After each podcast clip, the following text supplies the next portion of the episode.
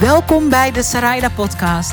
Dit is de plek waar je als ondernemende grootdromer naartoe komt om inspiratie, simpele tools en technieken te krijgen om met veel meer zelfvertrouwen zichtbaar te worden en te komen opdagen, niet alleen in je business, maar ook in je leven.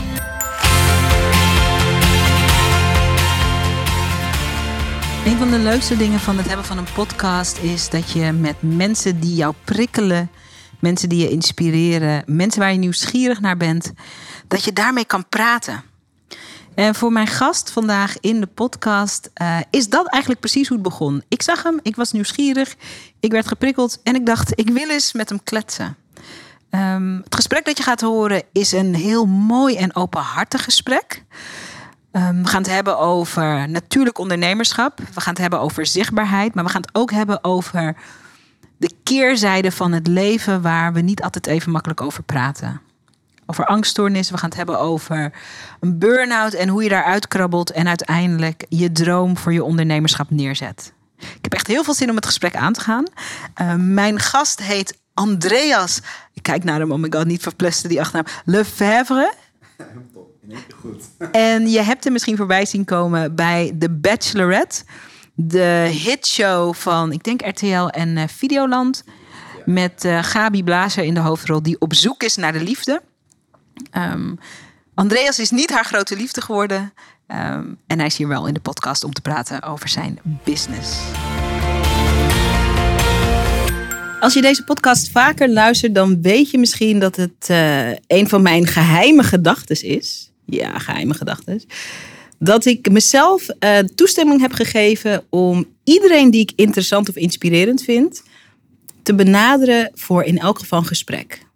Um, in de praktijk werkt het zo dat dat niet altijd een gesprek oplevert, maar vaak wel. Ik neem je even een paar weken terug in de tijd. Ik, um, ik denk dat het zondagavond was. Um, ik was werk voor me aan het uitschuiven en ik dacht, weet je, ik ga gewoon um, heel kort een aflevering van iets kijken en daarna aan het werk. Hm. Videoland. En toen zag ik daar Gabi Blazer, de bachelor. En toen raakte ik mezelf heel even kwijt in die fantasie van hoe moet het zijn als er 18 knappe mannen proberen je hart te veroveren.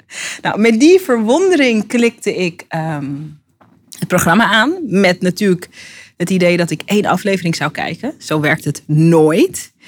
En um, ik denk vier of vijf afleveringen later wist ik... er zit één ondernemer in het programma. Er zitten er meer. Maar er zit één ondernemer in het programma die ik in elk geval in mijn podcast wil. Lang verhaal kort. Ik heb een bericht gestuurd via Instagram. Soms moet je het ook niet te moeilijk maken. Hij reageerde enthousiast. En uh, um, vandaag is hij hier in de podcast om te praten. Natuurlijk ook even over dat programma, de Bachelor. Maar om vooral te praten over zijn onderneming, over zijn business. En ik vind het leuk om te ontdekken wat er gebeurt als je als uh, felbegeerde bachelor op tv komt. Wat doet dat met een mens zijn business? Andreas, welkom. Super, super leuk dat je er bent. Ja, dankjewel. Wat een mooie introductie. Wat een intro, hè? Het is wel echt precies hoe het gegaan is ook. Ja, echt. Ja. Ik uh, zag het programma. En uh, uh, vanuit dus die fantasie van, goh, 18 man die zich voor je voeten werpt. Keek ik ernaar. Ja, ja. ja het, is geen, het, is geen, vreselijke fantasie. Nee, nee, nee. Niet vreselijk. En um, ik vond dat je um, opviel op een positieve manier, omdat er wel meer ondernemers in het programma zaten. Ja, zeker. Um, ja. Maar niemand die zo gepassioneerd over zijn werk sprak als jij. En dat, ik had daar iets van herkenning in. Um, het helpt ook een klein beetje. Je mag straks even voor de mensen die denken: oh, wat, wat voor business dan? Krijg je zo de ruimte voor. Maar het helpt ook dat um, mijn vader, die was geen ondernemer, maar die was wel een leraar. Ah, ah. En uh, ja. uh, mijn vader was een heel belangrijk iemand voor mij. Die is uh, in 2014 overleden. En ik zag zeg maar dat lerarenvuur. En, en niet alle leraren hebben dat. Ik ken bijna geen enkele leraar die ook ondernemer is. En ik zag dat vuur en ik dacht, dat waren allemaal klikjes voor mij. Ik dacht, ik ga je gewoon uh, benaderen. En uh, gelukkig zei je ja. Ja. Welkom. Ja, dankjewel. Echt heel leuk dat je er bent. Dat wist ik trouwens niet van je vader. Vandaar. Ja, ja, ja. raakvlakken. Ja. En net als dat jij uh, zo gepassioneerd over die leerlingen sprak. mijn vader die had dat ook. En toen hij overleed op zijn begrafenis kwamen er ook allemaal tieners. En die, die kwamen spreken. En het was ook Ik weet niet of je ooit op een Surinaamse begrafenis bent geweest, maar Nee, zijn een soort discofeesten. Oh, ja, ja. Was, er waren heel veel mensen ehm, en allemaal leerlingen. En eh, die echt kwamen vertellen van, eh, ja, je vader heeft eh, mijn leven veranderd. Ja, Dus dat, dat, dat sprak mij gewoon heel erg aan. En ook het ondernemerschap in jou. ja. Het zijn wel twee hele verschillende kanten natuurlijk. Ja, ja. Ja, ja. Maar wel komt in mijn interessewereld komt dat samen. Ja. ja, leuk dat je er bent. Straks vind ik het leuk om precies van jou te horen. Wat doe je met je business? Ehm, waarom ben je die business begonnen? En wat doet de zichtbaarheid van zo'n zo'n succesvol programma eh, met je business? Doet het iets met je business? Ehm, maar ik wil beginnen met je deelname. Want in de voorbereiding voor dit gesprek heb ik met een goede vriend van jou gesproken. Oh ja. En die zei, eh, we waren eigenlijk wel verbaasd dat Andreas Ik meedeed. En jij was zelf ook. Dus ik dacht, ik wil dat verhaal Ja. horen. Hoe kom je terecht bij de bachelor als ondernemende leraar? En hoe komt het dat jouw naaste omgeving dacht, huh? What the piep. What the hell? Ja, nou, ik had eigenlijk precies hetzelfde wel. Ehm, ik kreeg op een blauwe maandag een berichtje van eh, nou, RTL of Warner Bros. Ik weet het niet eens meer. Van, joh, zou je willen meedoen aan de Bachelorette? Eh, toen zei ik, nee, dat wil ik niet. Nee. Oh ja. Nou ja, en mogen je bellen, want wil je je toch eventjes wat uitleggen? Ik zeg, nou weet je, prima, bel maar even. En toen had ik een hele charmante dame aan de telefoon en die wist mij toch wel ergens te triggeren. Weet je het zeker, want het wordt echt super gaaf. Je gaat er veel dingen doen en veel dingen leren en nou, et cetera, et cetera. Weet je, eh, laten we het toch maar eens eventjes om tafel. Dus ik heb met mijn goede gedag naar Amsterdam toe, naar het hoofdkantoor. Een soort screening gedaan met camera's en ze stelde me allemaal vragen, ze vertelde me allemaal dingen. Toen dacht ik, weet je, waarom ook niet? Ik, ik ga dat gewoon doen. Ik ga er gewoon heen. En het, ook wel een beetje met het idee van, ik stap eh, uit mijn comfortzone. Mhm. Want dit is eigenlijk inderdaad totaal niks voor mij, zoiets. Eh, Dus juist daarom dacht ik, weet je, ga het, ga het maar gewoon aan. Mhm. Ja, Mhm. ja. Toen je besloot van, ik ga dit avontuur aan, ik ga kijken, ik ga uit mijn comfortzone.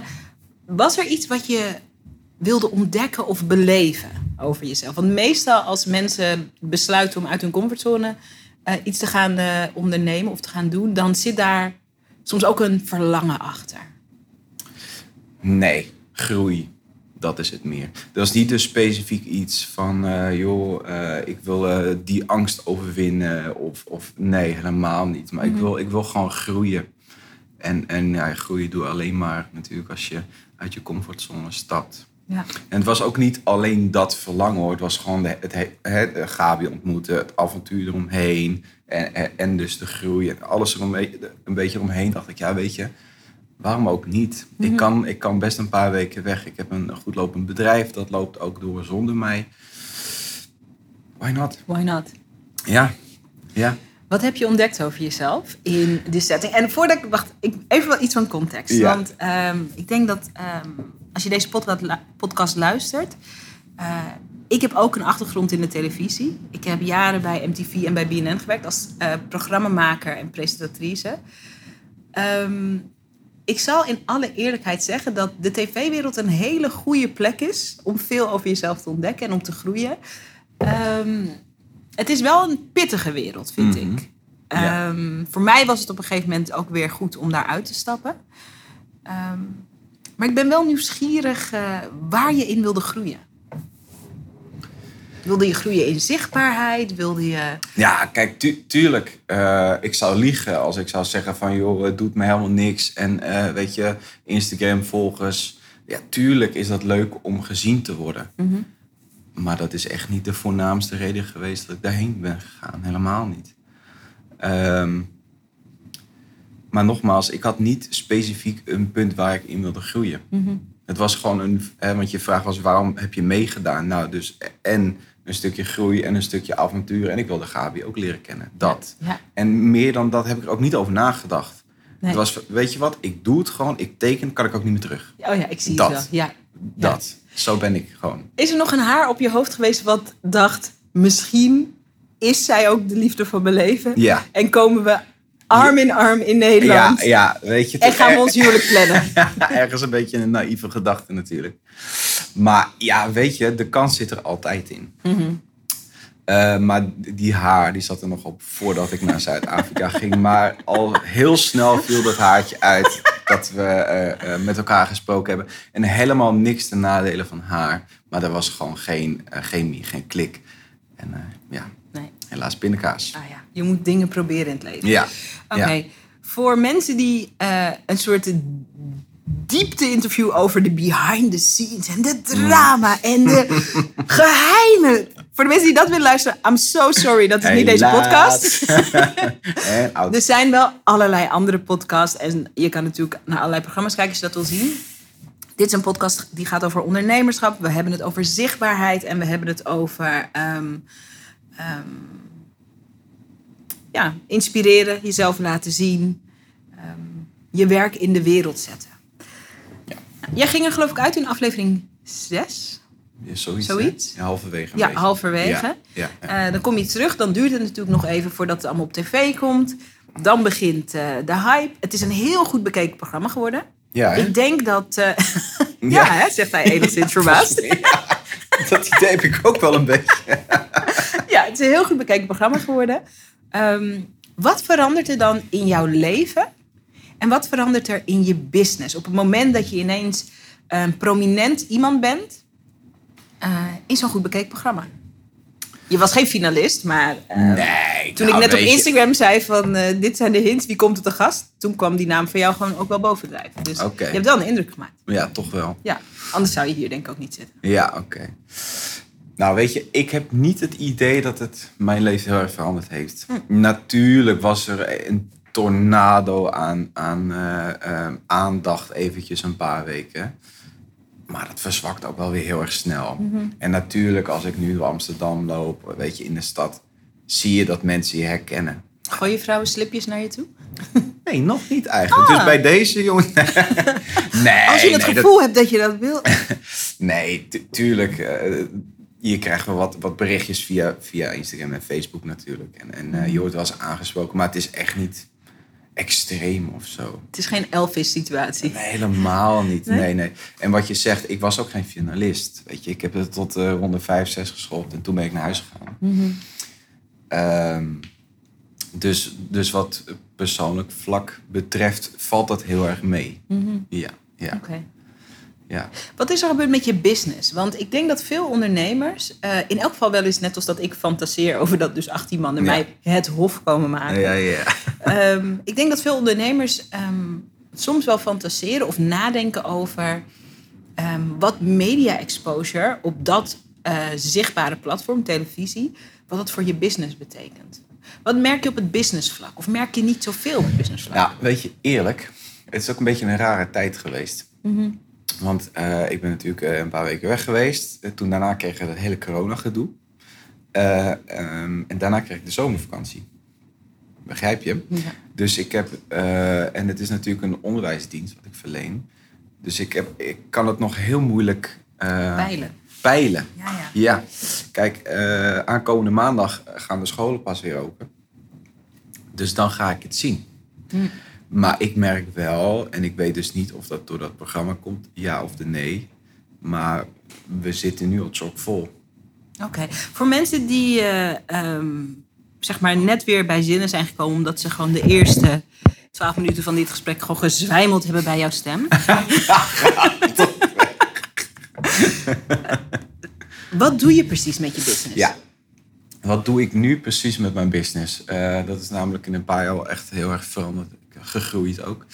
Ehm, wij geven eh, privéles eh, voor, voor basisschoolkinderen, middelbasisschoolkinderen. Eh, maar we doen ook scriptiebegeleiding voor HBO en universiteit. We doen ook kindercoaching. En ja, alles wat daarbij hoort en om me heen eh, hoort. Zeg maar. Ja, ja. Huiswerkbegeleiding en nou, noem maar op. En als je zegt, want je noemt een aantal verschillende dingen. Wat is de rode draad in de business? Dat is eigenlijk kinderen en jongeren Jeugd helpen. helpen. Ja. Ja. helpen. Ja. Ja, ja.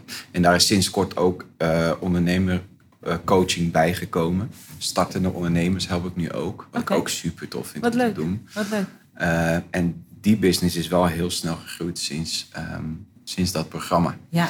Er zijn dus heel veel docenten die zoiets hadden van... oh, wat leuk. En dan laten we eens eventjes kijken op zijn website... van eh, wat hij nou precies doet. Want ik wil eigenlijk ook wel een praktijk... wat ik dus heel vaak op. Oh, wat grappig. Dus de, de beginnende ondernemers die ook ehm, eh, komen kijken en aanvragen, dat zijn, zijn dat ondernemers die nu nog leraren zijn, die het ondernemerschap in willen? Ook. Wat een leuke, ik, denk- ik, denk leuke dat, niche. Ja, Super. ja, dat is net nieuw. Oh, dat is ook net nieuw voor mij hoor, dat ik, eh, dat ik dat doe. Ik denk dat ik het al een jaar in mijn hoofd had. En ik dacht van ja, dat komt wel. Je kent het wel vooruitschrijven, wat jij Ja. ook deed.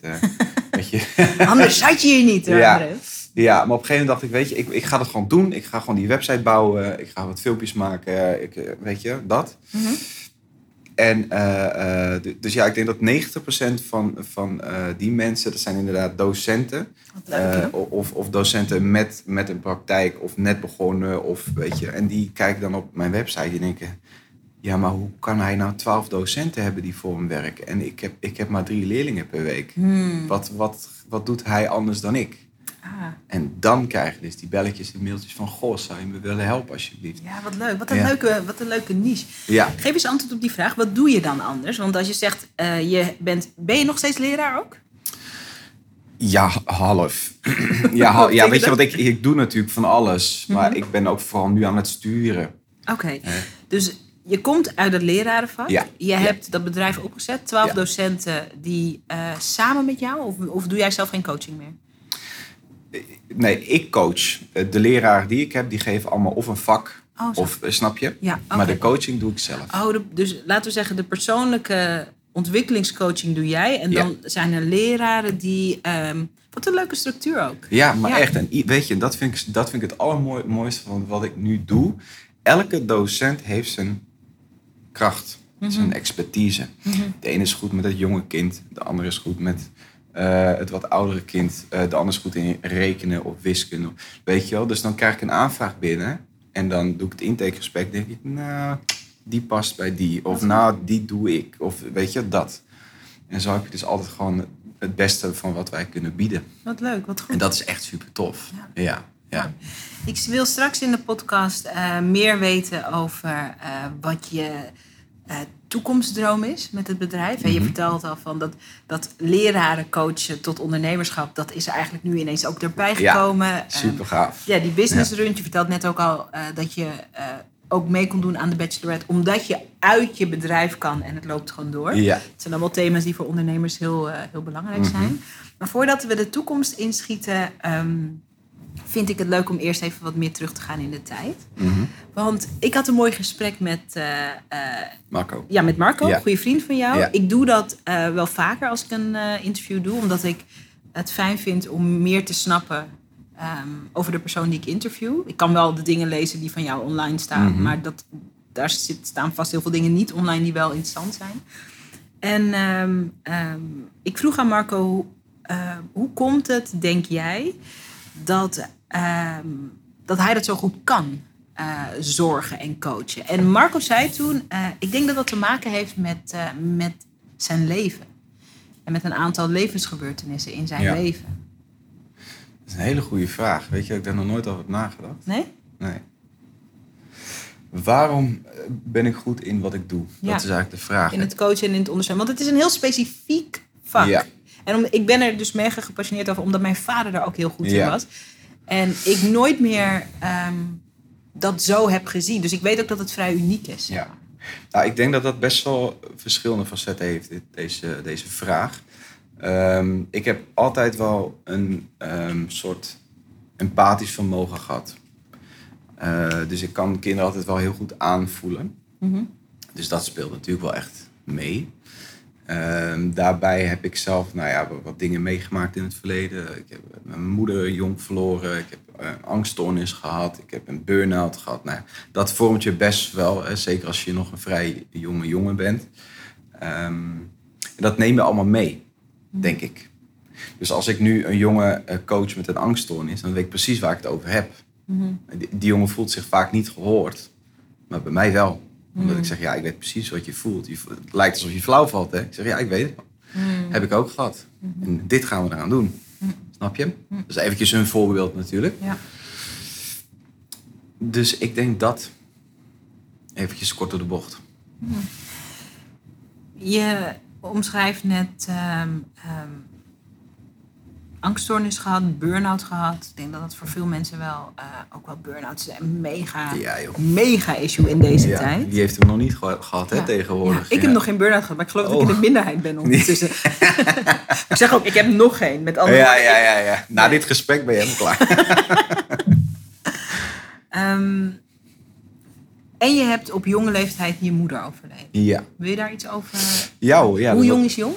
Eh, volgens mij was ik een jaar, nou, 1, 22 denk ik. En ze was toch wel al eh, twee jaar ter- eh, ziek, heel ziek. Dus ik zag er in twee jaar, heb ik er zien afgeleiden, zeg maar. Ik woonde eh, alleen met mijn moeder. Eh, dus ik, was, ik maakte snel de brug van puber naar volwassen man. Want voordat ze ziek werd, was ik echt een hele dwarse puber. En ik deed helemaal niks in huis. En weet je, dat, YOLO, ik deed waar ik zin in had. Ja, en ineens kanker. Darmkanker. En hij is gaat dood. Stoma, noem maar op. Was meteen raak. Dus eh, ik ben overnacht ben ik ineens eh, volwassen geworden toen. Ja. En dat was ook in de periode dat ik nog studeerde. Ik was aan het afstuderen. Ik was eh, mijn, mijn scriptie aan het schrijven. Dat was best wel een heftige periode. Ja. Ehm, maar ik ben er goed doorheen gekomen. Ja, tot een half jaar daarna.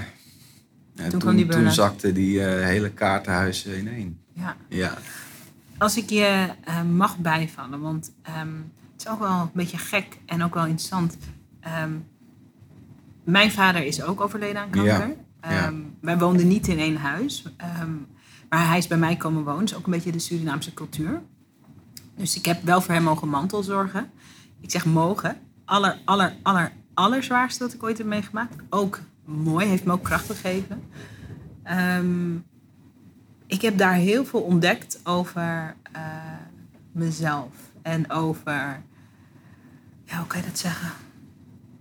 Je maakt op een bepaalde manier, als je voor iemand zorgt die sterft, maak je ook kennis met een nieuw stuk in jezelf. Ja. Heb je dat ook ervaren? Ja, maar ik denk dat we onze situatie toch niet zo goed met elkaar kunnen vergelijken. Want ik was echt nog jong. Mhm. En ik was studerend. En Mhm. ik had hier eigenlijk helemaal geen plek voor. Nee. Is En dat, dat- in een heel andere levensfase? Ja, ja, en ergens nog steeds baal ik heel erg dat het zeg maar niet vijf of tien jaar later kwam.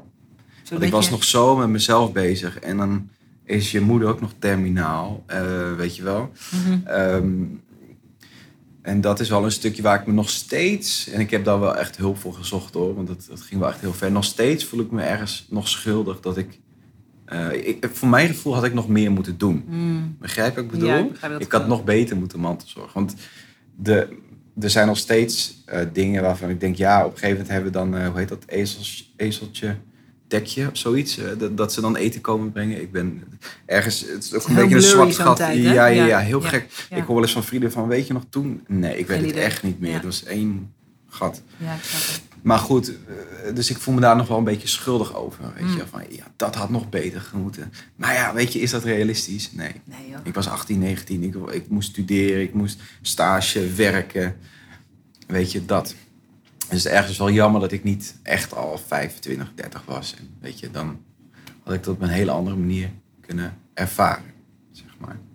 En als je zegt ervaren, dan eh, bedoel je dan, dan had ik nog beter kunnen zorgen? Of dan had ik ook, die studietijd was dan voor mij geweest? Of bedoel je beide? Nee, maar weet je, ik ben gewoon geslaagd. Mhm. Nee, ik, eh, dan was ik een volwassen man die voor mijn moeder kon zorgen. Ja, ja, ja. Nu was ik eigenlijk een kind die in de ene eh, moest zorgen. Ja. Snap je? Ja, ik snap je. En nou ja, volgens mij kon dat beter. Hmm. Maar goed. Ja, gelukkig is dit mijn eigen podcast en niet een of ander neutraal radioprogramma. Want in een neutraal radioprogramma mag ik niet zeggen wat ik nu zeg. Maar ja, ja, ja. eh, ik denk eh, luisteraars eh, die of iets zoiets hebben meegemaakt. ik denk dat er veel mensen nu luisteren die zeggen van... Je hebt een hele hoge lat voor jezelf. Die heb ik ook. En dat weet ik. En ik heb hier nogmaals ook hulp voor gezocht. Ja. En ik ben zo goed als van dit trauma tussen haakjes af. Mhm. En toch blijft het... 1%. eh, ja, ah, je, jij raakt dit onderwerp en nog voel ik nog steeds een beetje die brok in mijn keel. Ik denk, ja. En ik, ik denk ook niet dat dat ooit helemaal weggaat. En dat is oké. Dit ben ik. Mhm, Dat ja. hoort bij jou. Ja, dit neem ik nu gewoon mee. Ja. Ja. ja. Half jaar later eh, burn-out? Nee, half jaar later eh, stond ik onder de douche en kreeg ik een paniekaanval. En ik dacht dus letterlijk dat ik een hartaanval kreeg. Want ik wist helemaal niet van het bestaan van een paniekaanval af. 112 bellen, eerste hulp, nou, noem maar op. Ik had natuurlijk helemaal geen hartaanval. Ik had gewoon een paniekaanval. Eh, nou ja, naar, eh, naar de hu- huisarts geweest, ja. ehm, en eh, nou ja, in en uit, in en uit. Want ze wilden me allemaal niet horen, dacht ik. Maar uiteindelijk toen ook getest op de ziekte van Vijver. Nou, dat had ik. Of heb En dat is- gehad. En dat is een, een ziekte die echt gaat over vermoeiing, toch? ja, Dan ben je ja, ik was toch? gewoon kapot. Ja, tuurlijk. Weet je, ik kwam elke keer bij de dokter van, ik kom mijn bed niet uit. Weet je wel, Mhm. Nee, ik moet al janken als ik de vaatwasser in moet ruimen. Ik kan niet meer, weet je wel. Mhm. Wat... En ik heb toen een keer letterlijk gevraagd, heb ik misschien het verkeerde beroep gekozen? Want ik, ik ben helemaal kapot na zo'n dag, weet je. Wat heb ik? Ik snapte er helemaal niks van. Toen, toen stond je al voor de klas. Ja, ja. Maar uiteindelijk, eh, ik denk dat het een jaar later eh, pas naar boven kwam dat ik misschien wel een burn-out had. Want het werd elke keer op de ziekte van vijver gegooid. Dus ik heb Ah, een ja. jaar lang doorgeploeterd. Oh man. Van, nou ja, eh, weet je wel, het is lichamelijk, eh, nou ja, niet aanstellen, sporten, werken. Ja. Ja. dat heb ik gedaan. Ja. Maar ja, dat werd alleen maar erger natuurlijk. Dus daarna zat ik echt, nou ja, iedereen luisterde, dus ze zien het niet, maar ik zat echt in, op, nou, op de grond. Zo, zo diep zat ik, zeg maar. Mhm. Dus daar moest ik wel van herstellen. Hersteld. Toen daarna kreeg ik hem nog een keer, omdat ik te snel wilde. En weer die lat hè, te hoog. Ehm, ja, eh, dus dat. Mhm. Dus dat was al eventjes eh, een moeilijke start, zeg maar, in het onderwijs. Hm. Maar ja, was heel vaak eh, ziek, moe, toch voor de klas willen. Ja. Ja, het weekend proberen bij te tanken, maandag toch nog moe. Ja, dat, mijns inziens ben ik daar te lang mee bezig geweest. Ik had eerder aan de bel moeten trekken. Ja. Of eerder voor mezelf moeten kiezen. Ja, ik denk Ja. dat veel mensen die, dat, die, die luisteren en die, ehm, die twilight zone, die zo'n burn-out ook is, eh, die dat herkennen. Ik denk dat veel mensen dat ook hebben ervaren. Ja. Van, hè, als je erop terugkijkt, dat je denkt, man. Wat was ik streng voor mezelf. Ja. Luister naar je, eh, naar je arts. Neem die rust. Echt. Echt. Ja. Weet je, en het, het, het tekent je voor life. Is dat zo? Ja, Ja? zeker. Een Ja. burn-out. ja, zeker. Hoe krijg je dat vorm? Ik, ik heb dit, een Nou andere ja. vriendin vertelde dit ook tegen. Ja, dat is echt. Nou, je, je, je krijgt op een gegeven moment signalen van je lijf. Van, joh, je gaat nu over de grens. Mhm. En die leer je herkennen. Mm. Die kreeg ik voorheen ook wel. Maar Maar- daar ging ik gewoon keihard overheen. Elke dag weer. Ja, harde werker. Ja. En nu denk ik, oh nee, zeker niet. Die gaan we echt naar luisteren. Want dit wil ik nooit meer meemaken. Mm. Want zo'n burn-out kan echt heel heftig zijn. Dat, dat gun je echt niemand toe. Zoiets. Dus eh, ja, en die, ja, die signalen van je lijf krijg ik nu dus een stuk eerder dan voorheen. Ja. Ja. En ik denk dat je, maar dat is een aanname, van me bij of spreek me tegen. Ehm, als er nu leerlingen bij jou in het coachtraject zitten, misschien dat je dat. Herken je dingen die je misschien anders niet herkend zou hebben als je dit niet had meegemaakt? Ja, ik, ik, zeker het hele angstverhaal natuurlijk. Eh, want, want die burn-out sloeg uiteindelijk door naar een angststoornis. Hè. Dat was dan wat later.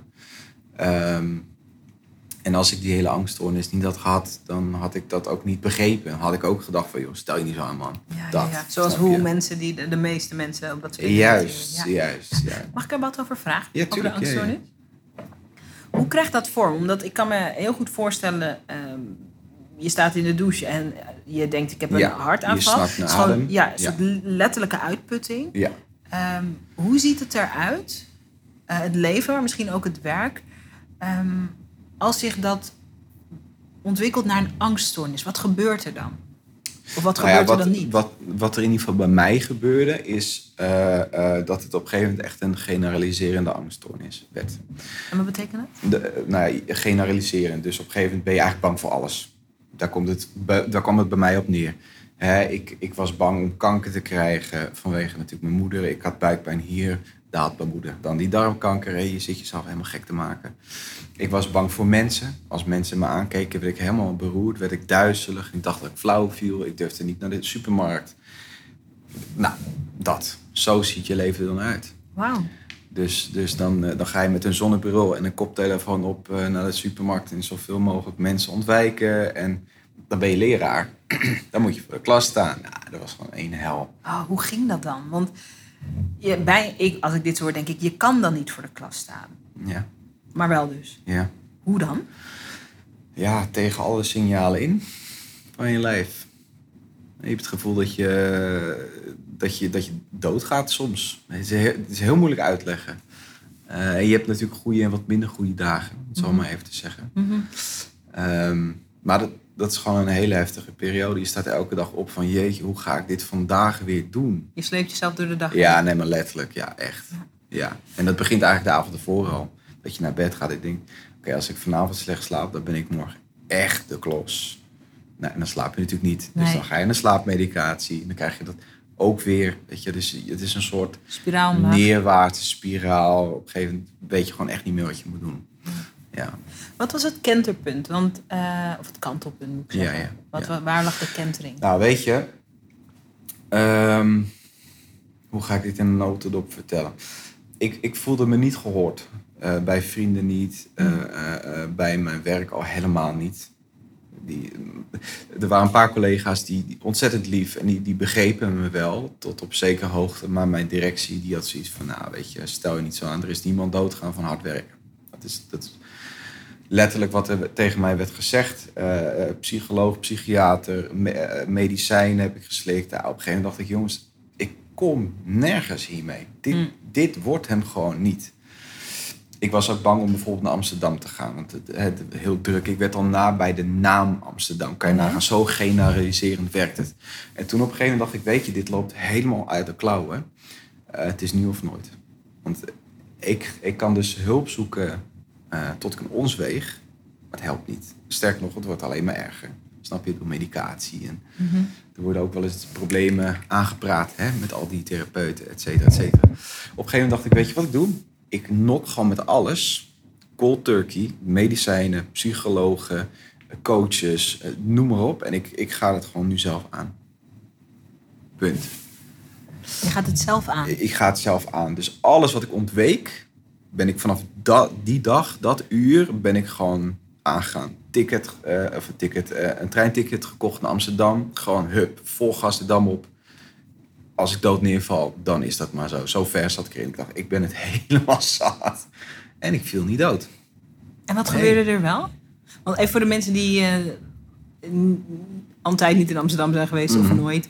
De Dam is echt het epicentrum Ja, ja, ja, van Amsterdam. Ik geloof dat het nergens drukker is dan op eh, Dam Square, zoals dat zo mooi zeggen in de tram. Ja, nou ja, weet je wat gebeurde er? Het was natuurlijk heel heftig en ik werd onwijs duizelig. En dit, dit is natuurlijk niet op de een of de andere dag eh, eh, opgelost geweest. Hè. Ik had ook een, een hele leuke vriendin waar het gewoon door mij helemaal stuk liep.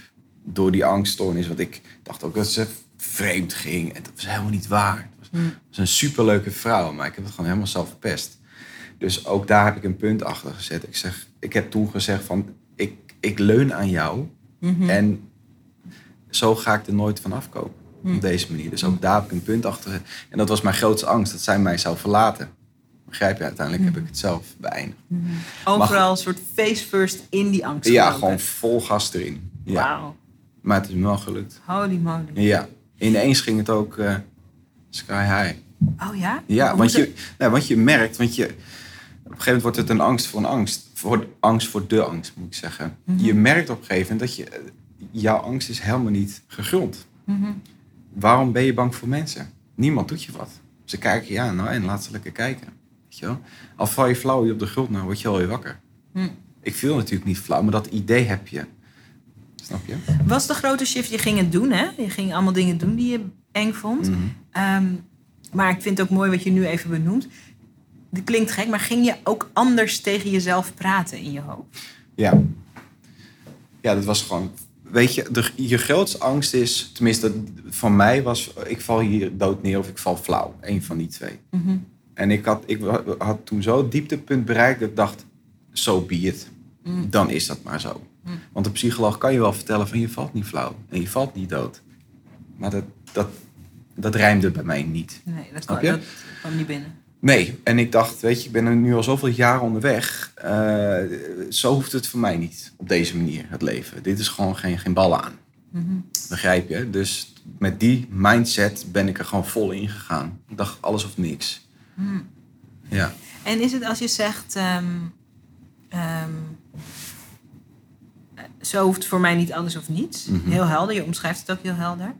Ehm, is dat eerst een onverschilligheid die zich ontwikkelde tot een kracht? Of is het een verzoening met de dood geweest? Wat, Nee, nee, wat- hoe, hoe zit dat? Nee, het eerste. Dat ik op een gegeven moment dacht van, weet Fuck je... it. Fuck it. Ja, letterlijk. Ik wil het niet zeggen in je podcast, maar fuck it. ja, met, met een hoofdletter F. Ja, ja. En je moet je voorstellen, als je al jaren aan het aanmodderen bent... dat je op een gegeven moment echt zat bent. En je, je trekt aan alle bellen en iedereen wil je helpen. Maar je komt geen centimeter verder. Hm. En uiteindelijk, je hoort het van heel veel mensen, je leest het in heel veel boeken, maar je moet het, het is heel cliché, je moet het echt zelf doen. Ja. Jij moet die knop omzetten. Ja, en dat, dat heb ik uiteindelijk gedaan. En ik ben er echt heel erg blij om. Ja, ik kan me voorstellen. Ja, Trots op ook? ja, maar ook dankbaar dat, dat ik ehm, aan mezelf dat ik, dat ik dat gedaan heb. Want als ik kijk waar ik nu sta en waar ik tien jaar geleden stond. Nou, als je mij tien jaar geleden, tien jaar geleden had verteld van, nou, over, als je 32 bent, dan sta je daar, had ik je keihard uitgelachen. Niet Echt. geloofd gewoon. Nee, nee, echt niet. Nee, nul. Nee, echt niet. Mooi. Ja, dus ik denk dat, dat het hele trammeland heeft me ook wel weer ergens gebracht. Snap je hem? Ja? Ja. Jammer dat het zo moest, maar ja, dit is mijn pad geweest, denk ik. Ja. Als je zegt van, eh, je zegt als je het tien jaar geleden had gehoord, dan zou je het nooit geloven. Vanaf wanneer, ik ben nu 32, vanaf Ja. wanneer ging je dat zien of geloven of voelen van, wow, er is superveel mogelijk voor mij? Ik denk, maar pin me er niet aan vast, het is een grove schatting hoor. Ik denk zo'n vijf, zes jaar geleden, denk ik. Was dat naar aanleiding van, en je, je, ging, je, je zei, fuck it, nu ga ik gewoon. Was Ja. het naar aanleiding daarvan? Was het naar aanleiding van iets anders? Ehm, was het naar aanleiding dat er, een, dat er ineens die droom voor Nee, ja. het ondernemerschap, hoe ging dat? Nee, nee, het hele ondernemerschap pas kwam, eh, kwam later. echt ja, veel later. Want daar had ik echt geen plek voor, joh. Mhm. nee. nee, het was gewoon... eh, het gaat misschien een beetje gek klinken. Maar ik had, een, eh, ik had echt een hele leuke vriendin.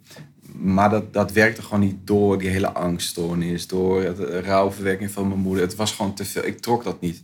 Die dame was een fotomodel. Nou ja, iedereen keek naar haar natuurlijk. Dat zou je normaal te gek moeten vinden. Ik kon dat niet handelen. Ik was Mhm. gewoon te zwak daarvoor. En dat was het moment waarvan, eh, toen, toen dacht ik van oké, ik moet hier nu een eind aan maken en ik moet aan. Sorry, ja, niet op de tafel tikken. Niet op ik moet hier een eind aan maken en ik moet echt aan mezelf werken. Ik Mhm. moet echt eh, loskomen van haar, want zij deed alles voor mij. Weet je wel? En dat is gewoon niet gezond. Mhm. Vent moet voor zichzelf kunnen Ja. Komt zorgen. natuurlijk uit een mega goed hart. Ja, on- ja, Ja, onwijs. Ja. onwijs. Dus toen heb ik dat, eh, die relatie verbroken. En toen dacht ik, oké, dan moet je er ook echt voor gaan. Want je gooit nu goud weg. Hm. Dus go for it. Dus dat was het punt. Eh, en ik kan me nog heel goed herinneren. Dat was een dag dat ze zei van... joh, ik moet eh, voor een fotoshoot naar... Of, of voor de werk naar een ver land. Ik weet niet meer waarheen. En toen dacht ik, ik kan dit gewoon niet aan. Hm. Ik kan dit niet meer handelen. Mhm. En dat is natuurlijk voor haar heel oneerlijk. Mhm. En toen dacht ik ook, ja, dit- wie hou ik nou hier voor de gek? Dit kan niet zo. Dit kan niet meer verder. En dat was voor mij het kantelpunt. Oké. Ik dacht, oké, en nu moet het anders. Ja. Wel heel stoer, want ik denk dat er toch ook veel ehm, mensen zijn die dat dan toch niet eerlijk zouden toegeven aan zichzelf. Ik denk dat er veel mensen zijn, en daar, ik, ik vind dat ook begrijpelijk op een bepaalde manier, dat je je toch blijft vastklampen. Ja, maar dat heb ik ook jaren gedaan. Maar als jij merkt dat het niet werkt, Nee. dan moet je anders. Ja. Ik vind het grappig, omdat ik had een gesprek met eh, die maat van jou. Oh, en oh, ja, ja. ja, ik vroeg aan hem van, kan je niets meer uitleggen over Andreas' drive? En die zei, eh, Andreas wil groeien. Hij wil groeien, hij wil groeien, hij wil groeien, hij wil groeien, hij wil groeien. En als ik dit verhaal zo hoor, kan ik me daar iets bij voorstellen. Ja. Terug naar het hier en het nu. Mhm. Eh, een business, twaalf docenten, eh, coaching, tv-programma. Ehm, wat is er nu belangrijk voor jou? Dat ondernemerschap, daar had je voorheen geen ruimte voor. Nee. Kan je je nog herinneren ehm, dat dat voor het eerst soort ehm, in je ging leven? Ja. Ja. Nou, weet je, ik heb natuurlijk nu... eh, de start uitgelegd. Dus dan kan je wel voorstellen dat was, dat, dat, dat best wel een beetje spannend was, hè, dat, dat ondernemen. Dus ik heb toen uh, het idee gehad van, oké, weet je, dat onderwijs voor de klas, dat kostte me ook best wel veel energie. Uh, dat, ik werd soms wel leeggezogen door de hele dag zo'n grote groep en alles eromheen. Ik dacht, weet je wat ik doe? Ik drie dagen van de klas en twee dagen voorzichtig voor mezelf beginnen. Mhm. Want ik zag mezelf absoluut niet als ondernemer. Ik heb altijd gezegd, ik ondernemer, nee. Oh, je had zelfs echt een nee-scenario ja, ja, ja, ik, ja, absoluut. Ik als, nee, dat kan ik niet. En uh, al die risico's, dat, nee joh.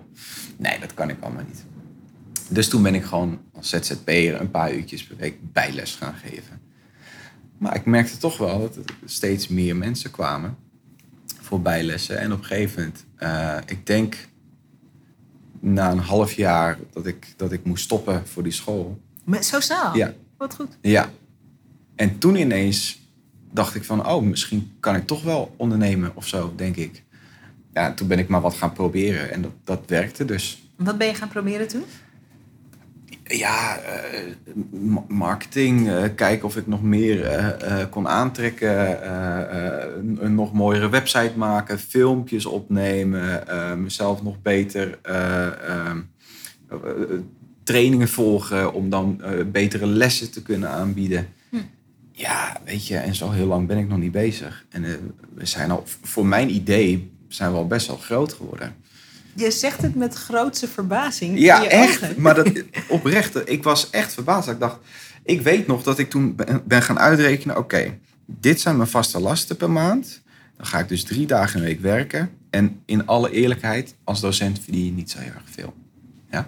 Dus toen dacht ik, oké, dan moet ik minimaal drie uur per week moet ik dan lesgeven extra. Dan kom ik precies uit. Mhm. zo, letterlijk zo ben ik erin drie gegaan. Drie uur per week op... op uh... Eh, ZZP-basis. Oké, zo ja. En ik maakte me daar oprecht zorgen over. Ik, nou, ik hoop echt dat het lukt, want anders heb ik een heel groot probleem. Mhm. En binnen twee weken zat ik al op tien uur per week. Weet je wat? Toen dacht ik, huh? oké, weet je, chill. Mogelijkheden zijn eindeloos. Ja, ja.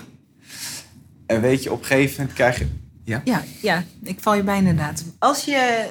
Hoe lang is dit geleden wat je omschrijft? Die, echt die, die omslag? Uh, dat was 2000 de omslag naar helemaal voor mezelf? Nee, van dat je um, drie dagen op school, twee dagen uh, bij... 2016 Oké, Oké, dus een jaartje of vier geleden. Ja, of 15, 16, zoiets. Ja. Het liep uh, vrij snel vol. Ja. Als je nu terugkijkt hè, daarop, hoe komt dat, denk je? Ik denk dat er veel ondernemers luisteren die... Um, en er luisteren ook veel mensen naar deze podcast die nog in loondienst zijn, die die droom hebben, ja. maar die net als jij dat ook toch wel doemscenario hebben van het gaat heel veel tijd en moeite kosten om bijvoorbeeld mijn oude salaris te evenaren. Ja. En de realiteit is dat dat is niet altijd zo. Jij bent daar een voorbeeld van. Ja, maar sowieso, dat is mijns inziens een hele verkeerde drijf.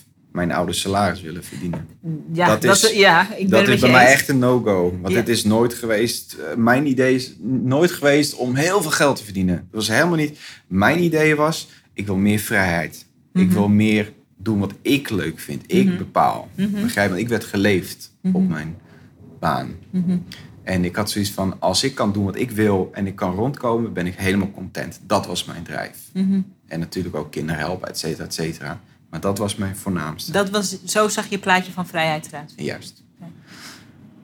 Dus wat was je vraag ook weer?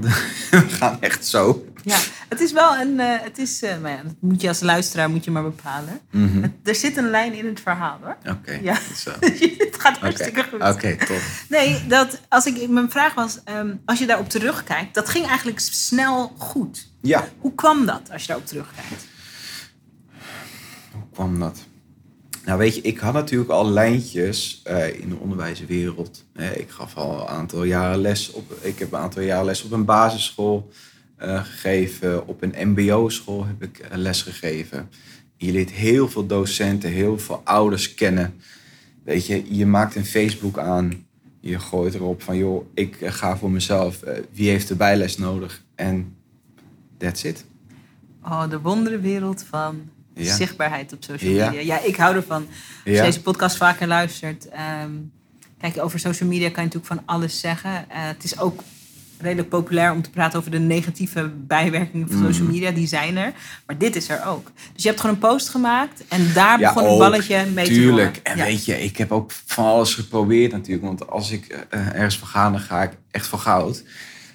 Nou ja, flyers eh, in de brievenbusjes duwen. Ja, nou, ik denk trouwens dat ik wel enkele klanten daaraan heb overgehouden. Bij de tandarts een stapeltje neerleggen. En een postertje hier. En mensen bellen, eh, scholen langs gaan in mijn net gekochte overhemdje. Ik had nog nooit een overhemdje aangehad, weet je wel. Nou ja, goed. Maar weet je, al die pogingen hebben me wel gebracht naar waar ik nu ben. Mhm.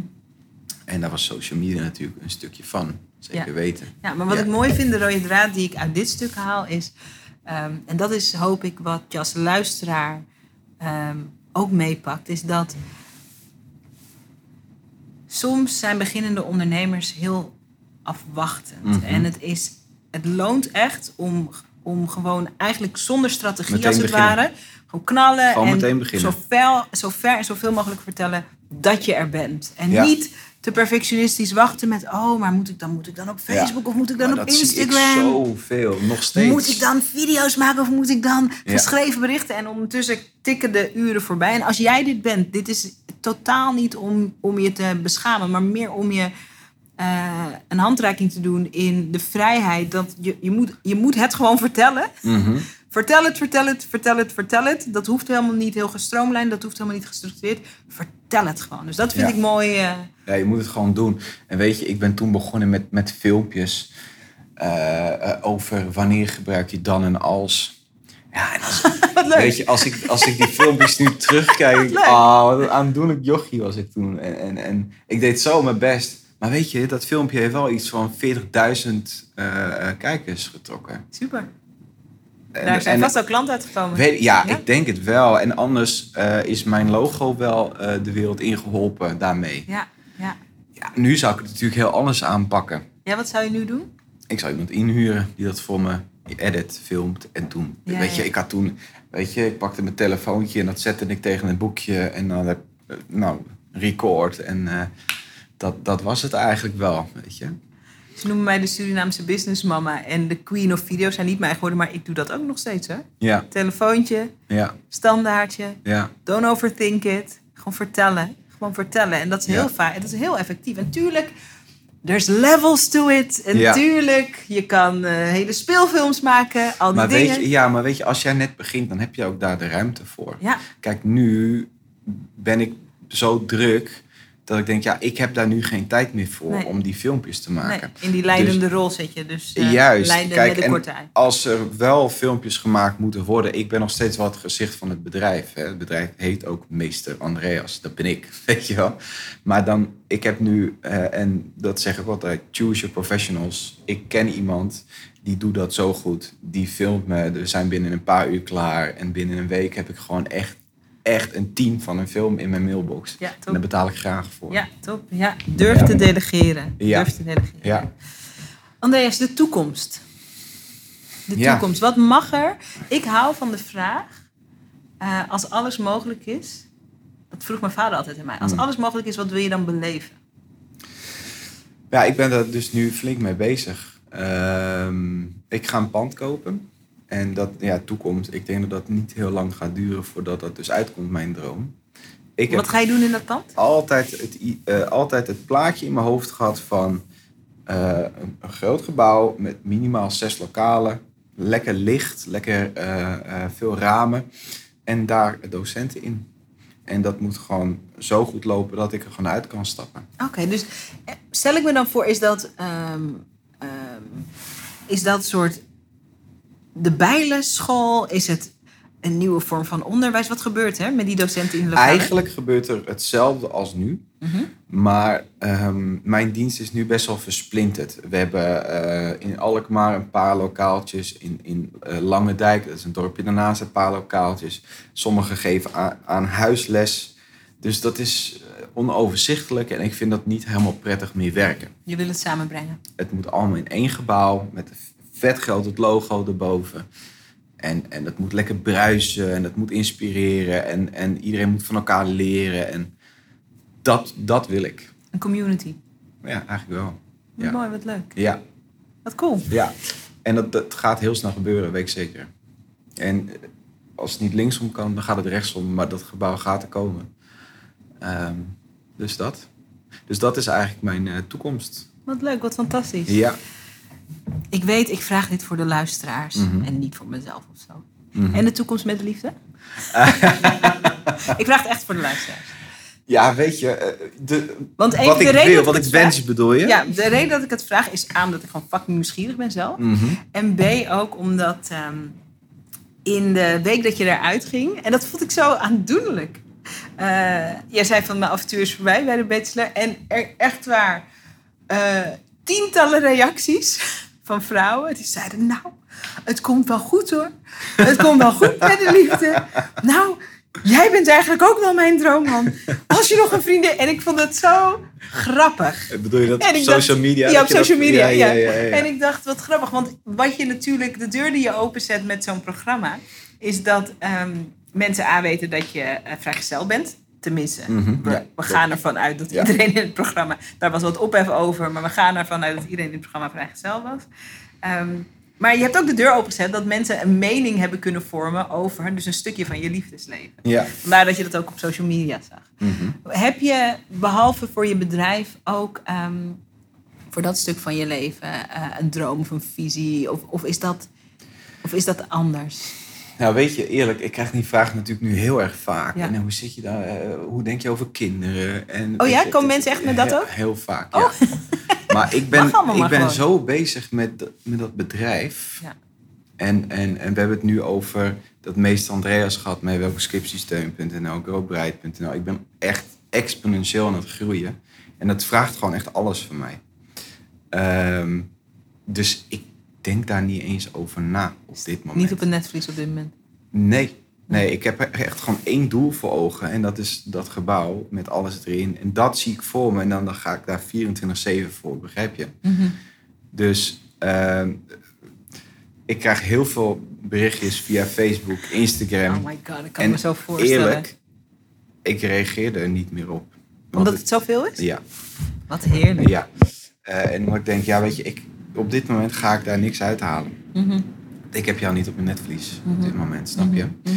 Maar natuurlijk zou ik graag een vrouw willen samenwonen en uiteindelijk kindjes krijgen. Tuurlijk, Nou ja, je zegt Ja. natuurlijk, maar niet voor iedereen is dat Ja. een droom natuurlijk. Hè? jawel. Maar dat is voor jou een droom.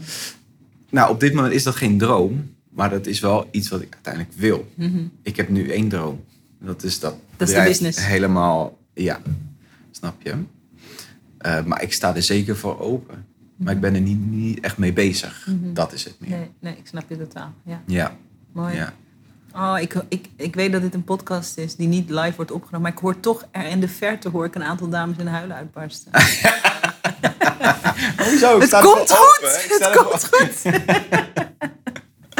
Zoals de universe zegt, als hij het dan niet is, dan iemand anders. maar net joh, zo. Het komt helemaal goed met iedereen. Het komt helemaal goed met iedereen de hele tijd. Voor altijd. Andreas, we zijn zomaar weer een minuut of vijftig in gesprek. Sodemietes. Ja, Zo. we gaan, hem, eh, we gaan hem zo afronden. Ik vind het fijn om nog even van jou te horen. Ehm, mensen die deze podcast luisteren, dat zijn ook ondernemers, maar dat zijn natuurlijk ook ouders. Waar kunnen ze je vinden online? Meesterandreas.nl meesterandreas.nl, scriptiesteun.nl. Ja, en eh, voor dat hele coaching voor ondernemers is dat growbright.nl. Oké, wie je dat spellen?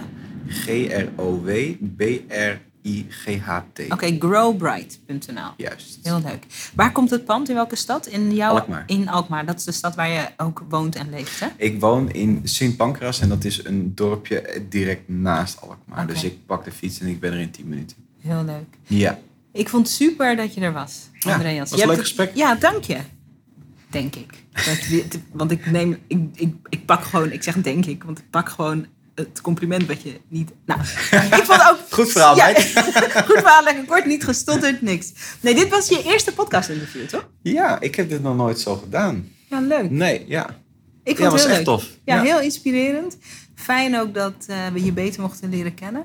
En eh, ga hem volgen. Ga hem volgen. Meester Andreas ook op Instagram. Ja, ik heb eh, inderdaad ook een Instagram, ook een Facebook en daar daar post ik allemaal tips. Gewoon gratis. Voor ook ouders. Van hoe kan je het beste de tafels aanpakken. Ik noem maar wat. Dus Oh, dat is echt zo- wel heel tof. Oh, dat is... Ja. Mijn dochter die wordt drie. En eh, die, is, die nog een- kleintje is ze nog. Ja. Ehm, maar ik heb daar nu al zo'n zin in. Om samen de dingen te gaan leren. En Nou, volg eh, me. Ja, ja ik, ik volg je. Wat denk je? Zo ben je hier ook beland. Ik volg Oh je ja. zeker. Ik Oh ja. volg je op al je kanalen. Andreas, dank je wel. Ja, welkom. En, eh, Jij ook bedankt. ehm, eh, ik vind het mooi. Haal je inspiratie daaruit. Mocht je naar aanleiding van dit eh, gesprek een mooi inzicht hebben, dan vind ik het leuk als je dat deelt op Instagram. ja. Tag ons even. Laat het me weten. Dat vind Ja. ik wel echt leuk. Ja. Ja. Het is altijd mooi omdat de ervaring leert dat ehm, eh, je weet nooit aan en van je verhaal wat iemand anders inspireert. Dus eh, er is veel voorbij gekomen. Laat ons weten wat voor jou het nummer één inzicht was. Ehm, tag ons op Instagram. En mocht je twee minuten van je kostbare levenstijd hebben, over hebben, eh, zou ik het heel erg waarderen als je voor de Zerijden podcast een bloedeerlijke review schrijft over, eh, over deze podcast. Hoe meer reviews we hebben, en sommige mensen vragen om 5-star reviews, dat doe ik niet. Ik wil graag een bloedeerlijke review. Als je het vreselijk vond, mag je het ook opschrijven, maar dan vind ik het wel raar dat je bijna een uur hebt geluisterd. Sta jezelf toe als je het vreselijk vindt om gewoon op stop te drukken en om iets anders te luisteren. Maar stel je voor dat je het vreselijk vond, mag je dat ook zeggen. Maar stel je voor dat je het niet vreselijk vond, ehm, vind ik het heel tof als je een eh, review voor ons achterlaat. Omdat daarmee de podcast beter vindbaar wordt. En de intentie van deze podcast is om zoveel mogelijk grootdromers en ondernemers of ondernemers in spe eh, te helpen, te stimuleren, te inspireren, te ondersteunen. Dus het is ook niet voor mijn eigen ego. Eh, het is voor de vindbaarheid voor de podcast. Dus mocht je daar tijd voor hebben, heel graag. Eh, Andreas, nogmaals bedankt. Super mooi. Dank voor je openheid ook. Graag gedaan.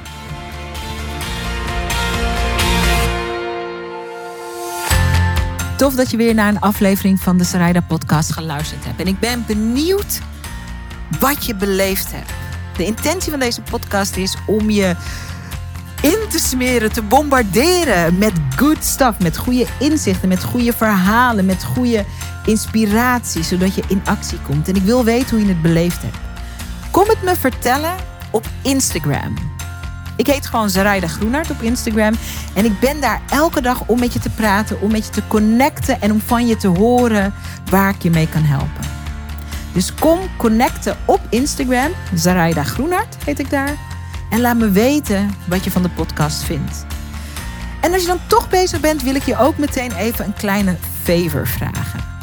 Want om deze podcast bij miljoenen ondernemers bekend te laten worden, zodat we heel veel mensen kunnen inspireren en helpen. Want dat is natuurlijk mijn bescheiden intentie van deze podcast. Heb ik je nodig. Je zou me ontzettend helpen door een bloedeerlijke review op iTunes achter te laten over wat je van deze podcast vindt en of je er iets aan inspiratie uithaalt. Hoe meer reviews we hebben, goed of slechte reviews, maakt me ook bijna niet uit eerlijk gezegd, hoe meer mensen de podcast kunnen vinden. En ik ben nieuwsgierig naar wat we voor jou kunnen betekenen met de podcast. Dus als je een minuutje over hebt, zou ik het heel tof vinden als je je bloedeerlijke mening over deze podcast achterlaat op iTunes. Ik bedank je, ik bedank je, ik bedank je. En ik spreek je hopelijk snel op Instagram of ik hoor je bij een volgende podcast. Dankjewel.